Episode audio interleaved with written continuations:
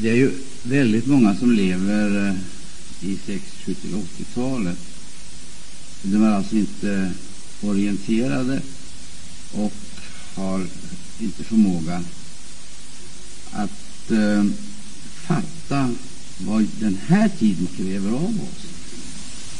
Det är egentligen väldigt olustigt, väldigt olustigt att träffa människor som alltså i sin föreställningsvärld så att säga sysslar med i och för sig oväsentliga ting.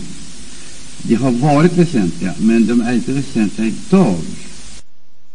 Då är det någonting annat som är nödvändigast än det exempelvis eh, som var för ett eh, årtionde eller mindre. Det här är oerhört otäckt att se hur människor alltså på det sättet eh, avtrubbas successivt och eh, blir närmast eh, likgiltiga eller förslöade. Fruktansvärt angeläget att leva i förnyelsen om man överhuvudtaget ska överleva. Nu finns det några frågor som jag skulle vilja kalla för markörer. Några speciella frågor där man kan se att eh, det gäller att skaffa sig informationer, alltså kunskap. Annars så eh, kommer vi att bli ett offer för den enorma, den enorma ström, det, det väldiga flöde av olika kunskaper på olika områden som eh, representerar ytligt sett någonting som vi egentligen längtar efter.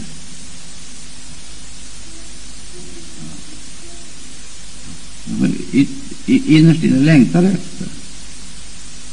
Om jag talar om, sån, om jag talar om en sån sak som frihet så vet vi ju det. det ingenting vi längtar efter egentligen mer än frihet. Men vad är frihet? Vad är frihet? Att tänka fritt och handla fritt. Det här är ju oerhört viktigt att vi får klart för oss att alla de frihetsapeller som vi allt, allt mera och allt oftare når oss, det är kvinnans frigörelse. Det är barnens frigörelse. Och det är den enskilda människans frigörelse. Och vad ska hon frigöras ifrån och varför? Alla de här appellerna de vänder sig till någonting i vårt väsen. Självständiggörelsen, bli självständig och inte bli offer på något område, exempelvis med avseende på fri åsiktsbildning, åsiktsbildningen, rätt att bilda åsikt. Och sedan kampen för den här eh, åsiktsbildningen. Det kan ha, vara frågor om yttrandefrihet och det andra rättigheter som vi menar att vi måste slå vakt om. Det eh, finns ju nedlagt i vårt väsen därför att det är i det här vi på ett alldeles speciellt sätt ser hur människan alltså egentligen är en Guds avbild. Och vi kan inte alla gånger se innebörden av det här så tydligt som när de här appellerna når oss så har vi kanske inte förmåga att, se ur vilka källor det emanerar, varifrån det kommer. Och så blir det då en falsk frigörelse. Det blir alltså förgängelsens trälar som lovar ut frihet. Förgängelsens trälar. För att det som är helt och hållet avgörande för oss var och en, det är ju det faktum att i världen härskar det en makt. Härskar en makt. Den har då greppet exempelvis över opinionsbildningen. Om vi säger opinionsbildning, då funderar vi, vad då? opinionsbildningen. Vi läser en tidning, vi tittar på ett program, vi hör genom någon annan saker och ting som vi tar in över oss och tänker på, och kanske utan att vi överhuvudtaget tänker på det. Utan att vi överhuvudtaget tänker på så glider vi in, så att säga, i ett fullständigt nytt och annorlunda tänkesätt som småningom eh, kommer att leda till eh, ett annat handlingssätt och så småningom så ser vi också i nya attityder. Och de här attityderna de är faktiskt inte begränsade till någon speciell sektor. Man kan säga att det här är gudstjänstlivet, det här är arbetslivet, det här är familjelivet. Det tar allt, i alla avseenden.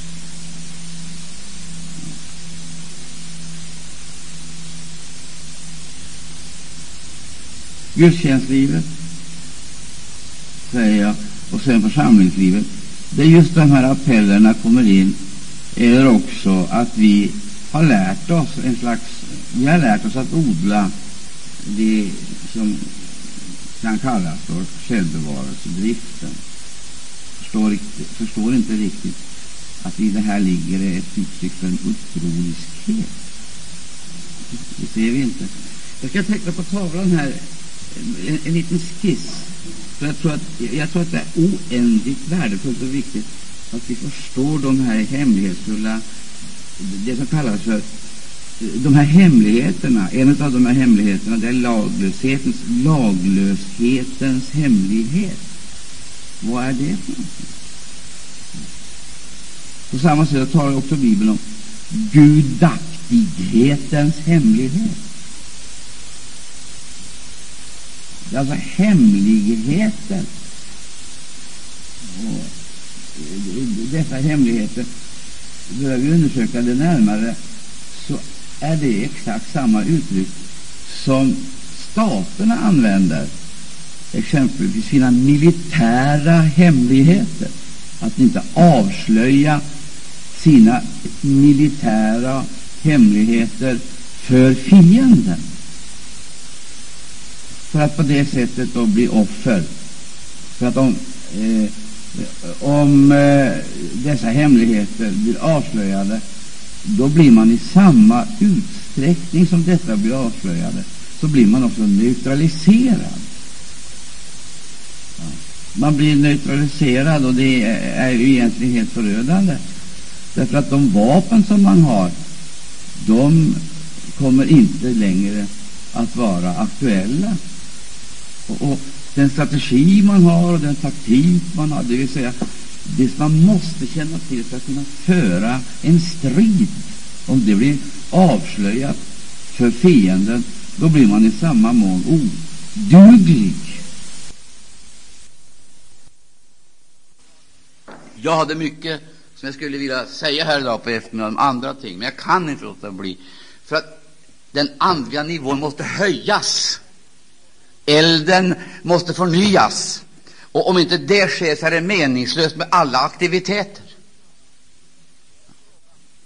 Det är en fråga som måste lösas på ett alldeles speciellt sätt. Det är inte verksamhetsproblematiken, utan det är livsfrågan. Kristus-identiteten måste bli tydligare.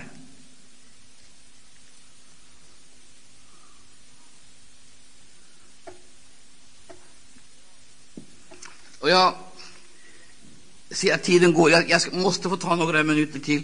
Därför att när vi, när vi ser det här och framför allt hör Jesus talar ur det heliga ordet med profetisk skärpa. Och så, så som det var, så ska det bli.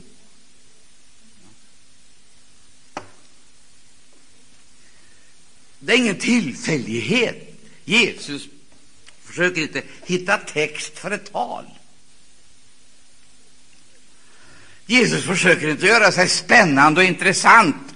Han talar sanningens ord som kan bevara oss. Så vi inte blir besmittade och förorenade av Herodes surdeg, fariseernas surdeg. Saduceernas surdeg.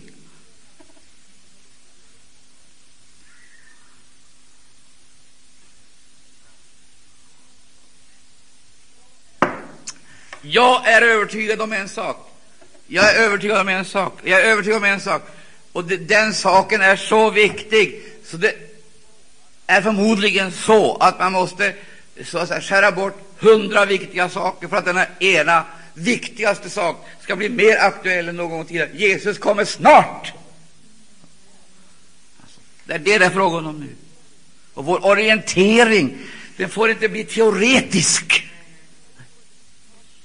Den får inte bli teologisk. Det är frågan om kvaliteten, och kvaliteten kan inte bestämmas utifrån verksamhetsgrader, utan det är frågan om oljan, livstillflödet. Är du redo att möta honom där det det gäller och ingenting annat? För att om vi får den frågan besvarad, då kommer allting annat att lösas utifrån just detta. Det är den andliga dynamiken.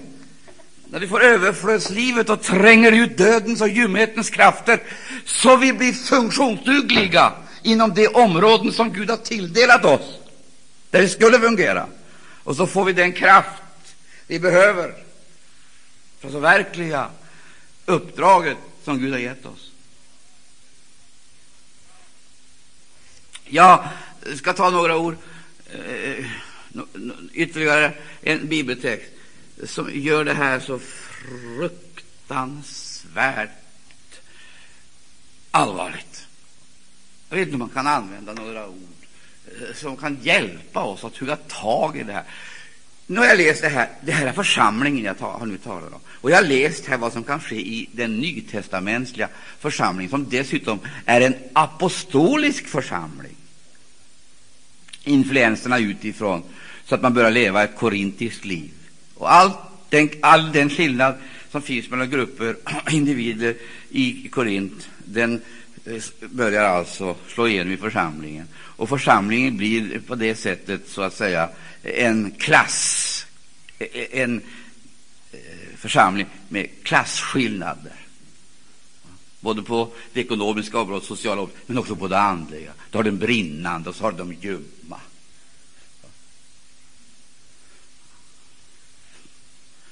Oj, oj, oj. De blev alla uppfyllda av Anden.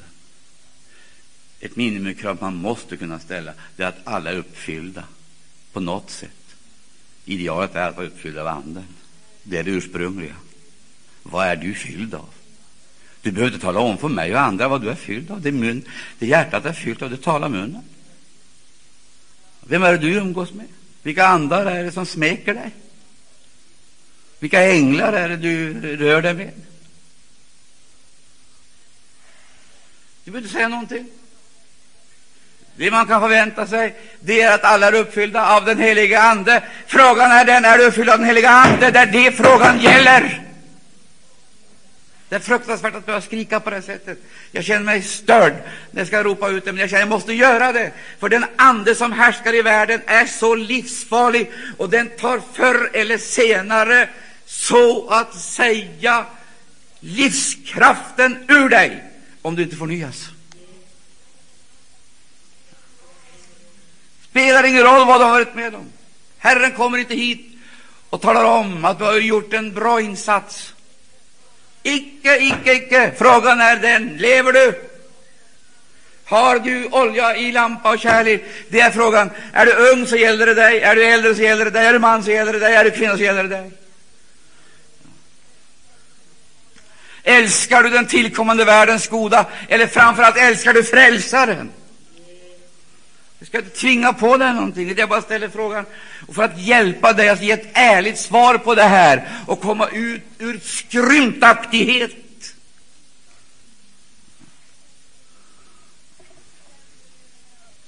Det är väl inte meningen att stegen ska gå ifrån Maranata till helvetet?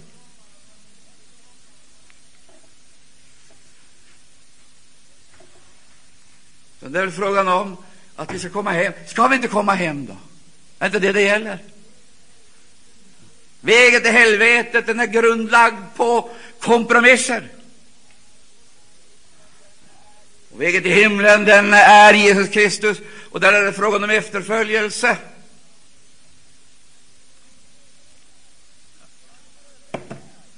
Jag har inte förberett det här. Anden manar mig att ropa ut det här, och för mig är det lika stor överraskning som för någon annan.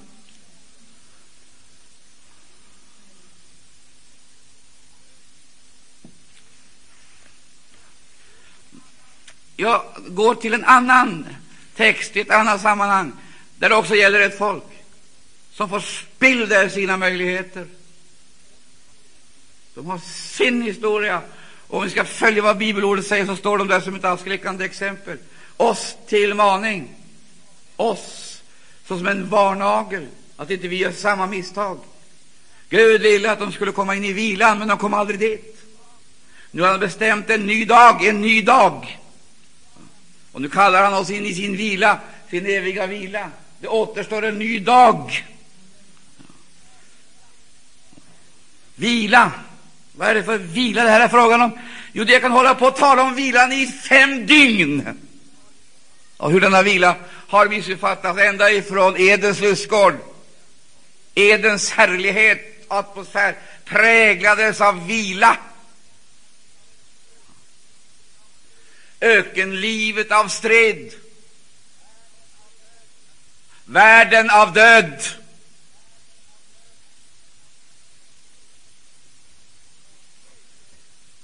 Och helvetet av gråt och tandagnisslan. Men det är väl inte utvecklingslinjen för Guds folk. Tyvärr har det blivit så. Hur hade Babylon uppstått om det inte hade funnits tusentals avfällingar genom historien? Aldrig. Babylon är inte uppbyggt av hedningar. Babylon är uppbyggt Utav avfällingar.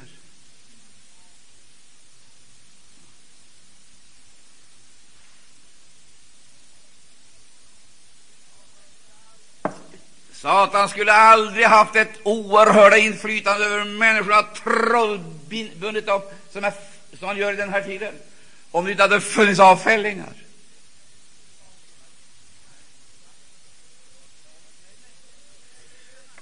För jag säger på ge dig iväg ut, ge dig iväg ut, börja söka var ska jag hitta en brinnande kristen? Var ska jag gå någonstans för att finna en bedjare? Vad ska jag söka? Himlen frågar, den heliga Ande frågar efter bedjare. Änglarna funderar. Var finns bedjarna? Var finns de som är stämplade, märkta? Var finns de? Ropet från Sodom, som så att säga Lot och andra skulle ha hört, det steg upp till Herren. Var finns roparna i tiden? Vem är det som registrerar det? Ska gå till Jakobs brev, så får du höra ropet ifrån de besvikna, förtryckta. Vem är det som har gjort dem besvikna? Ja, inte är det väl världen som har gjort dem besvikna, för den har aldrig varit annorlunda. Men de hade förväntningar på troende människor. Men så visade det sig att de gjorde dem ännu mer besvikna och utsatte dem för ett ännu större förtryck. Och det var som var värre än någonting annat. De gjorde det i Guds namn. De gjorde det i Guds namn.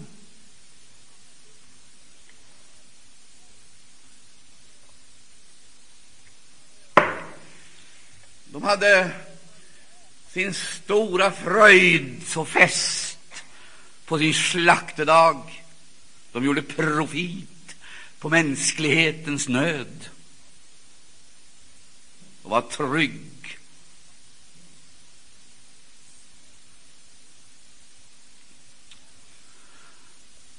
Ja, käre Gud, hjälp oss att förstå. Hjälp oss att förstå. Du ser svårigheterna vi har för att kunna, eh, Gud i himlen, klara av det du har sagt till din menighet. Du har gett oss dessa illustrationer. Vi har sett ditt folk i Gamla testamentet. Vi har sett. Vi måste få lära, käre Gud, så inte vi går under och blir avskräckande exempel som Lots hustru, som står där som en fågel skrämma, kära Herre Jesus, på tidens strand.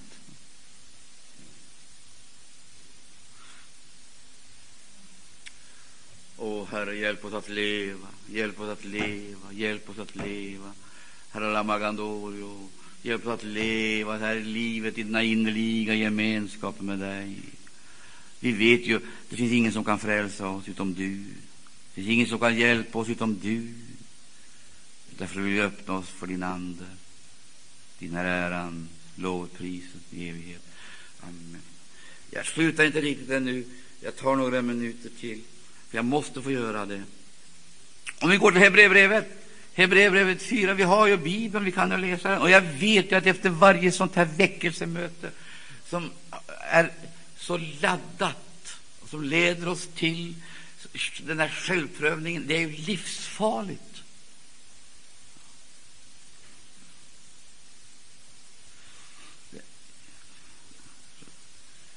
Det är helt livsfarligt, därför att vi hör det en gång och så grips vi oss över det nästa gång och då grips vi inte på riktigt samma sätt. Och så småningom så vänjer vi oss vid det. Så blir vi så tillvanda så vi säger ja, det var bra, men vi fattar inte att Gud önskar inget medgivande. Han önskar omvändelse. Och när jag talar om omvändelse så kan det låta också som en väldig förenkling.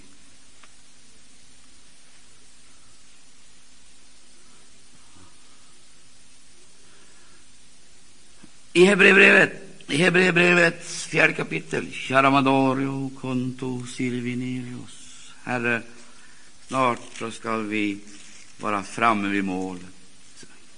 Måtte det då, käre Gud, uppenbaras att vi icke har blivit efter på vägen.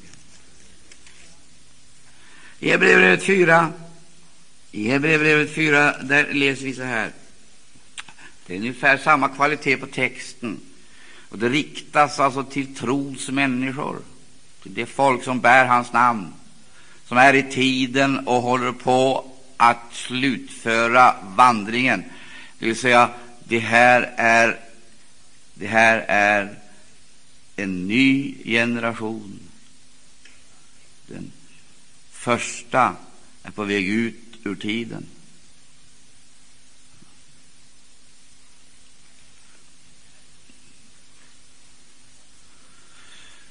Utgångspunkt och slutpunkt.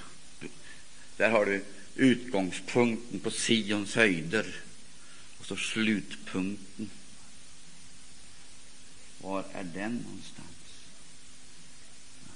Kurvan, den är deprimerande.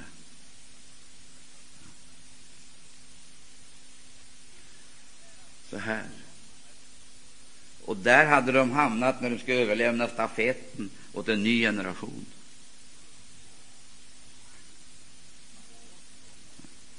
Kommer ni ihåg den förgångna tiden? Kära älskade vän, och är väl någonting bedrövligt när man ska påminna människor om den förgångna tiden för att peka på en tid då de var brinnande. Nog är det väl för bedrövligt när man ska peka på en förgången tid för ett andedöpt folk för att peka på en tid då de levde överflödslivet. Nu är det väl för bedrövligt om man står där vid slutpunkten och ska överlämna stafett åt en kommande generation och icke ha färska vittnesbörd.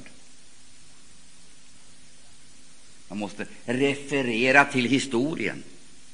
60-tal, 70-tal, 80-tal eller 20-tal eller någonting. Kommer ni ihåg den tiden, den härligheten? När man ska överlämna åt en kommande generation stafetten. Frågan har du dina erfarenheter i historien eller har du dem i nuet?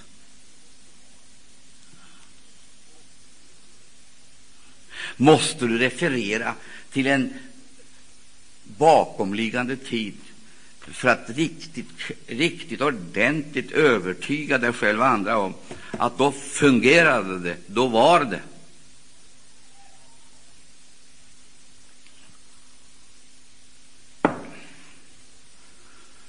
Jag önskar inte att vi ska återvända hem efter allhelgonahelgen som vi har varit här för att lägga blommor på fädernas gravar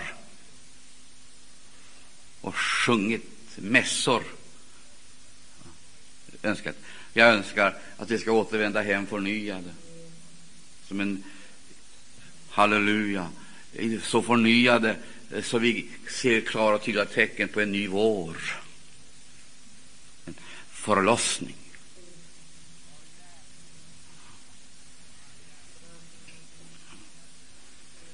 Vi har inte kommit hit för att begränsa fädernas gravar. Vi har kommit hit för att möta Jesus. Stämmer det så säger jag amen. Men det betyder mera än att uppleva en god och ljuvlig känsla. Jag, jag, jag ska läsa det här. Jag gör det med samma förunderliga känsla av Guds trofasthet. För nog är det väl förunderbart att Herren har knutit sitt namn till detta folk, är redo åter och åter att möta det, lyfta det, förnya det, bruka det. Och hur kan detta vara möjligt? Här har du själva huvudsanningen, rubriken, hoppet. Jesus Kristus är densamme. Det Hebreerbrevets ton Även hur vidrigt det ser ut, så är sanningen den att Jesus Kristus är densamme igår, idag, så och evighet. Stämmer det, så säger jag amen. Där ligger hela hoppet. Där ligger alla möjligheterna.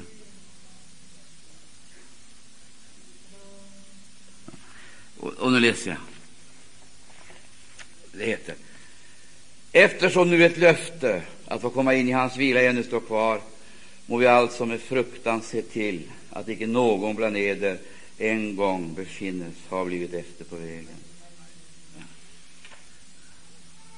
Nej, men vad står det? Må vi alltså med fruktan se till. Är det den förkunnelse som vi ska bära fram? Ska man frammana fruktan? Här ska inte fruktan så att säga samman eller, eller förväxlas med rädsla. Det är, inte, det är inte rädsla det här är frågan om. Det är, det är en helt annan inställning och en helt annan attityd.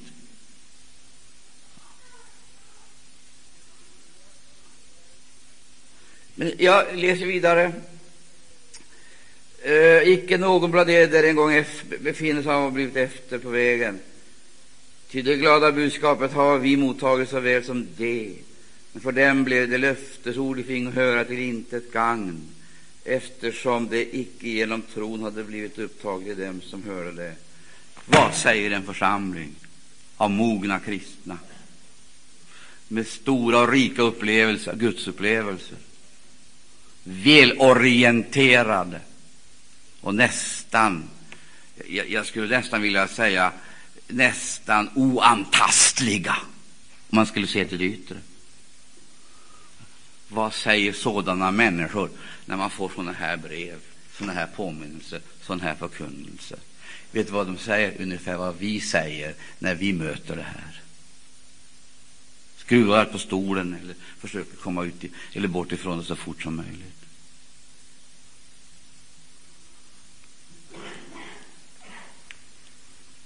Precis på samma sätt som vi gör när vi möter det här ordet. För att det, det är väldigt vanskligt. Det är väldigt vanskligt. Och för, det har flera skäl.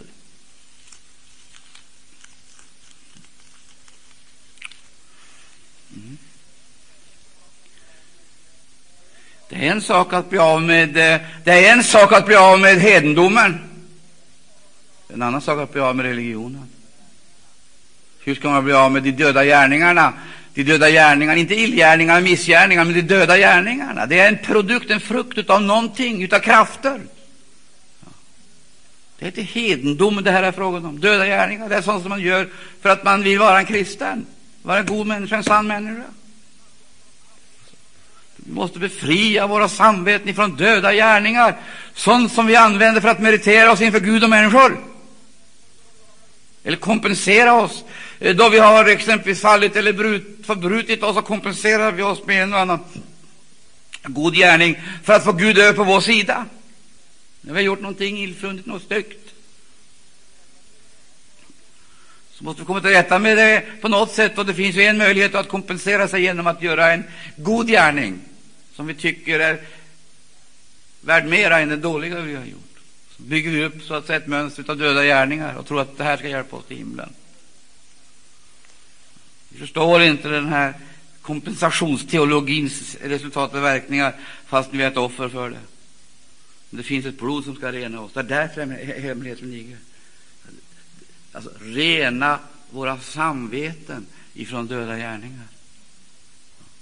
Så se på det, min älskade vän. Har du förstått det? Att självfrälsningen är mycket, mycket vanlig. Bland äldre människor framför allt.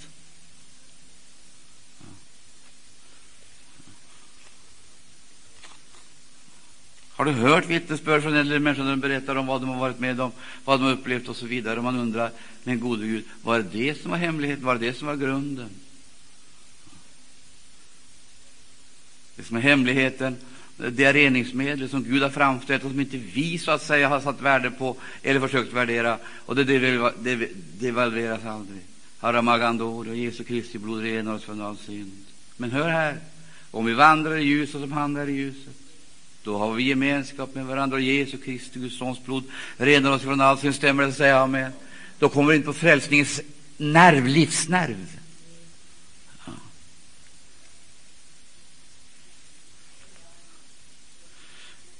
Låt mig göra en reflektion och en illustration. Din kropp. Du ser vacker ut. Det gör du faktiskt. Faktiskt, ursäkta. Du ser fin ut. Det gör du.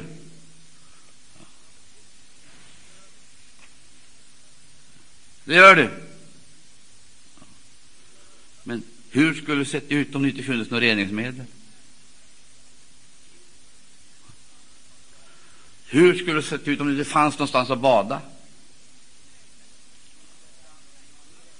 Och reningsmedlet det använder man i, hemlighets, i hemlighusen, dusch och badrum. Då går man in.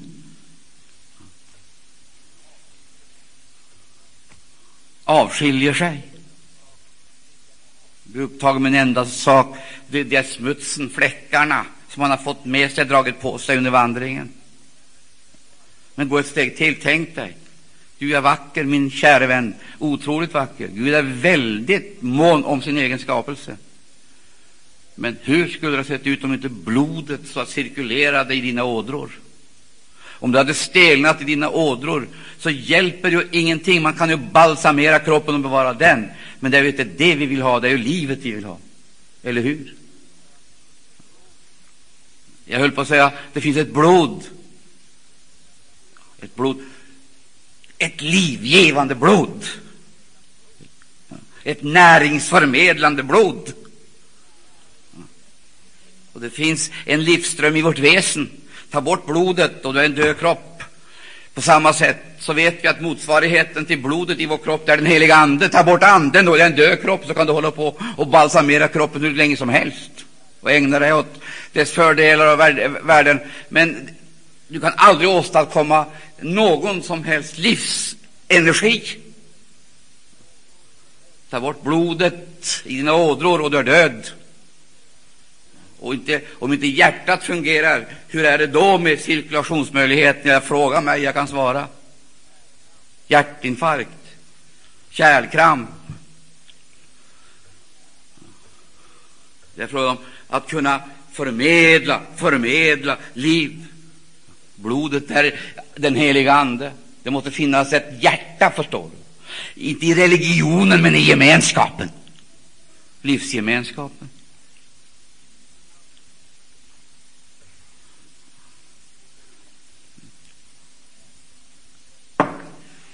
Det är så mycket som kan förändra oss. Vi kan få olika typer av reservdelar inmonterade i kroppen och det håller, det håller väl ett tag. Men det går inte i den andliga kroppen, i församlingen. Här räcker inte, förstår du, med några hjärttransplantationer. Verkligen inte. Det, måste, det, det nya hjärtat.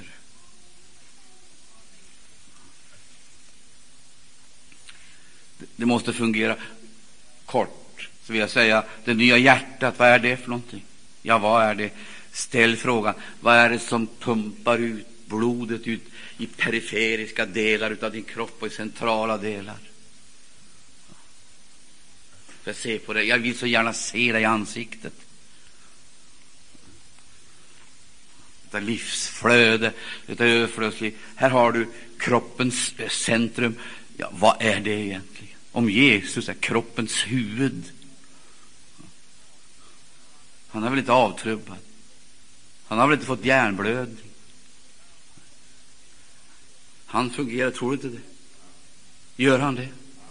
Han är hel, är han det? Men titta på hjärtat, hur är det med det? Jesus Kristus, det är kroppens huvud. Äldstekåren, det är kroppens hjärta. Hur är det med äldstebröderna?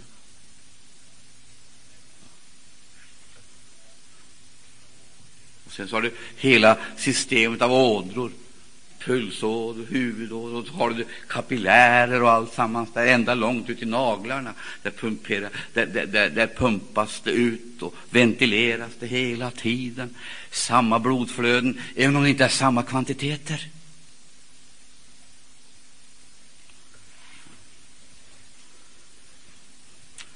Ta ett litet, ta ett litet blodprov, hör du, så kan du omedelbart få reda på, så att säga, sänka allmäntillståndet. Ta ett litet blodprov så kan du gärna snabbt få reda på sammansättningen. Ta ett litet blodprov och du kan få reda på om det finns någon cancer, smygande sjukdomar. Ta ett litet blodprov.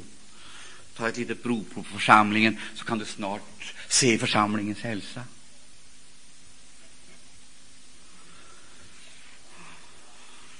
Och du kan se om församlingen lider av anemi, blodbrist, järnbrist. Jag ska berätta för dig. Jag känner mig förfärligt deprimerad. Jag säger faktiskt deprimerad när jag ser på alla de mediciner som jag dagligen måste ta. Det är blodtrycket, det är blodsockret. Doktorn har konstaterat att det är fel här och det är fel där och det är fel här. Om inte det blir så att säga reparerat på något sätt så kommer det att ta hjärtat. Det kommer att ta njurar, alltså utsöndrings och reningsorganen. Det kommer att ta levern. Det kommer att leda till hjärnblödning och död. Och jag känner mig faktiskt förödmjukad när jag öppnar min låda och upptäcker att det här är nästan ett helt apotek. Och jag måste i alla fall ta det, för om jag inte gör det då kommer konsekvenserna ganska snart. När, när var vi med om en sådan grundlig undersökning sist? Provade värdena.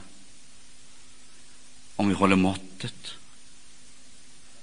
Hur det är med substansen, konsistensen. Det gäller den fysiska kroppens välmående och hälsa. Sköter vi inte det så läser vi Men det är likadant med den andliga kroppen. Hur är det med andliga livsflöden?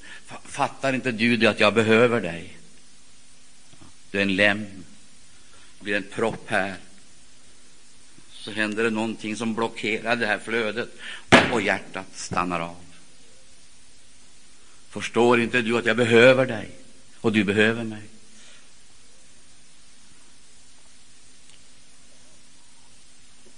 Och begriper du inte att det här är fruktansvärt allvarligt? Så jag kan ju genom det här se vem du har varit tillsammans med. Och du kan se vilken jag har varit tillsammans med. Vet vad det är, så är kroppens immunförsvar förstört genom hivsmitta. Det kommer genom blodet. Immun, immunförsvaret bröts ner. Och det är inte det vi ser nu på församlingskroppen. Vem är det man har varit tillsammans med? Vem är det man har legat med? Och överfört smitta till församlingen. Och den orkar knappast andas. Flåsar i bönemötena, finns inget liv. Och så tittar man på de glåmiga ögonen. Hullet försvinner. Livsinspirationen. Det är helt uppenbart vad han och hon bär. Smittan. Vem är det de har legat med?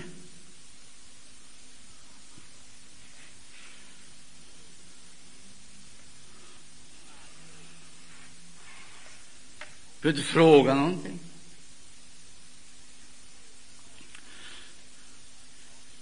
Jag har ingen aning om vad som skedde i förlustelsens ögonblick och vad som överfördes, förmedlades. Herre, jag vill inte sitta här, jag vill inte vara här.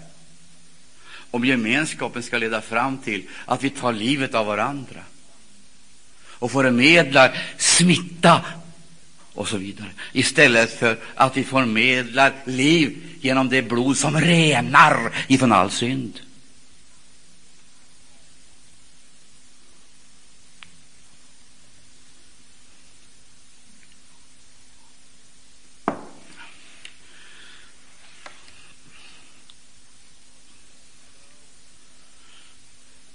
Skedde när du smekades av världen?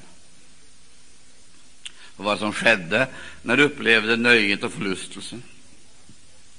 Vad var det som överfördes till ditt andliga liv? Vad var det för någonting? Vad är det som gjort att du blir så glåmig, så blek?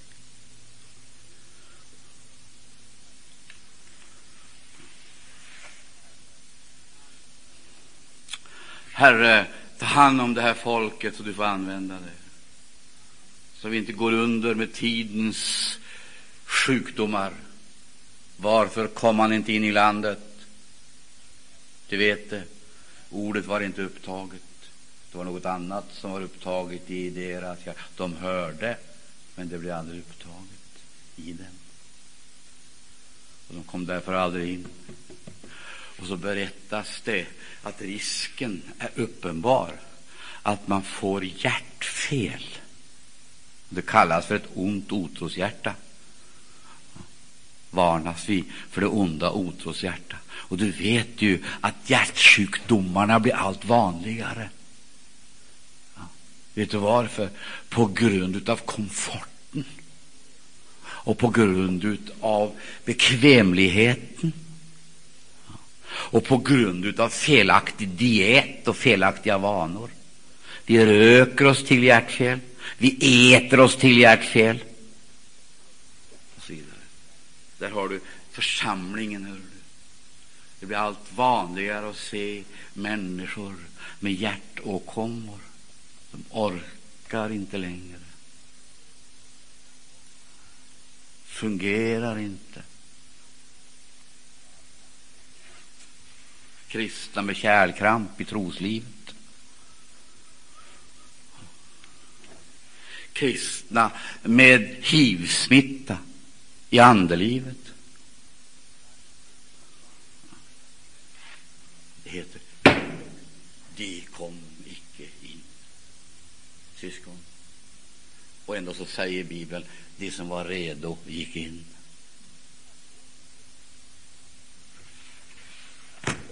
Ska vi hem? Ska vi bli efter på vägen? Ska vi bli offer för trons kärlkramp?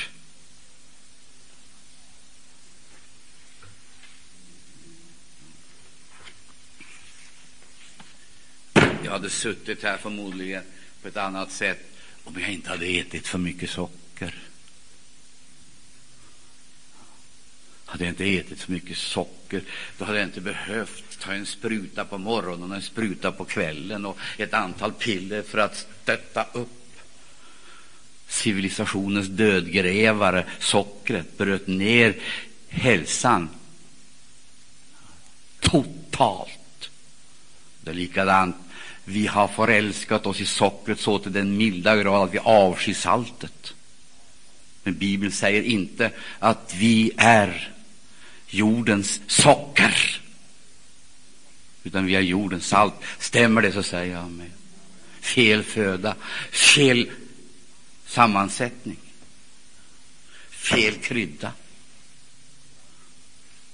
Vi lever möjligen med ett tynande liv och vi lever med hjälp utav tusen och ett hjälpmedel.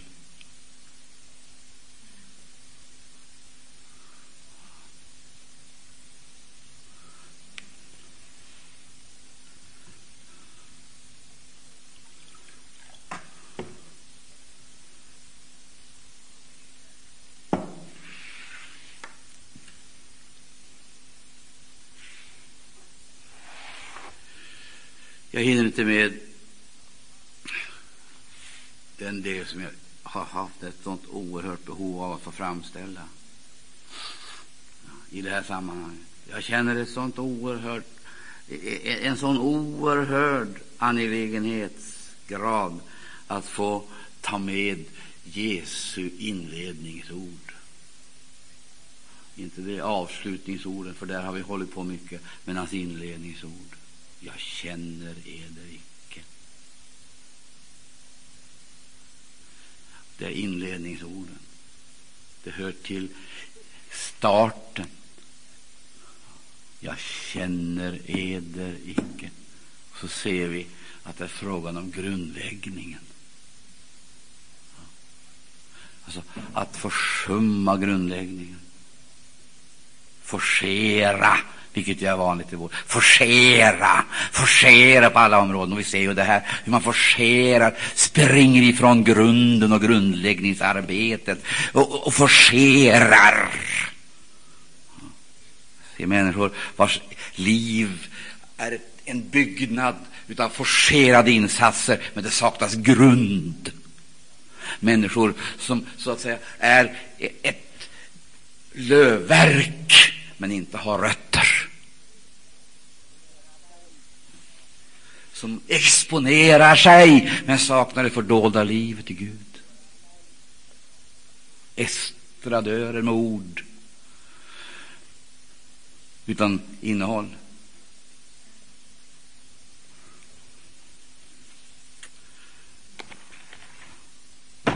Vad handlar det om? Orimigendoros Att höra är viktigt, icke sant? Men då måste man sätta sig ner och höra. Men vi hör tusen gånger och gör knappast en enda gång. Det vill säga, det blir inte förverkligat, det blir inte gestaltat, det blir inte förkroppsligat. Och då säger visst har du hört, visst har du velat, visst, men jag känner dig icke. Det blev inte förverkligat.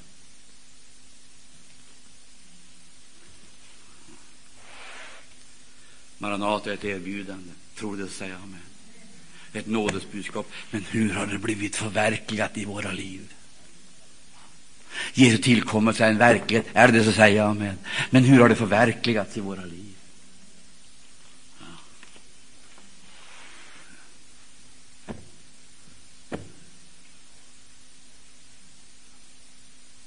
Jag är inte stolt, verkligen inte, men jag är glad. För det är hoppets budskap jag bär fram. Det jag säger är inte ett hot om undergång, det är ett erbjudande om befrielse och frälsning. Herren vill lyfta oss upp på ett högre, högre plan så vi kan umgås med honom, informeras av honom och tjäna honom mer troget under den här korta, korta tiden som jag har fått. Jag har ett budskap till, jag ska återkomma till. Jag hoppas kunna bära fram det. Det var icke upptaget Vad gör man för att det ska bli upptaget? Jesus kommer inte med kofot och dynamit för att komma in i vårt liv. Han kommer så presenterar han budskapet.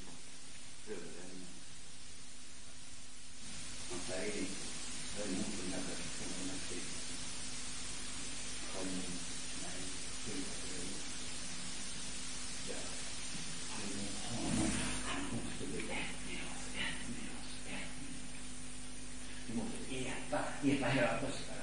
Du ska ut ur fångenskap. Hela påsken. Och vi ska in i helbrägdagörelsen så måste vi äta hela påsken. Lite bitar utav Och är det för stort så det räcker till flera, då måste vi kalla på andra. Kom med och dela gemenskapen. Samma påskalam, samma påskalam. Vi måste äta det med örter.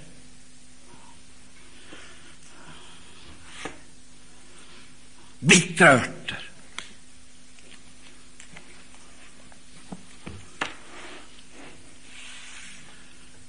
Kära Magandorius, tack för seger.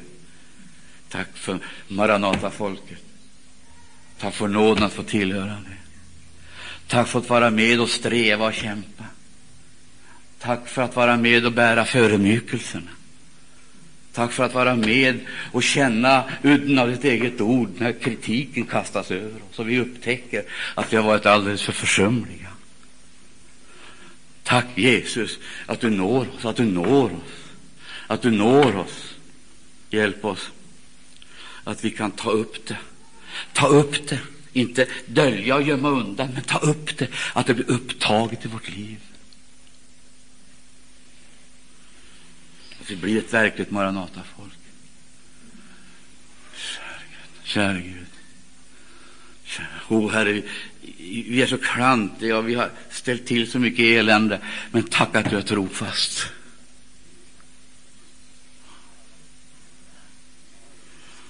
Du kallar oss till Gilgal, avstjälpningsplatsen, som ligger där på gränsen till landet. Och så får vi fira vår påsk, kasta av våra bördor, förbereda oss, halleluja, för att erövra ett nytt område i hänförd tjänst för dig. Vi prisar dig. Och allt folket sade Amen. Och allt folket sade Amen.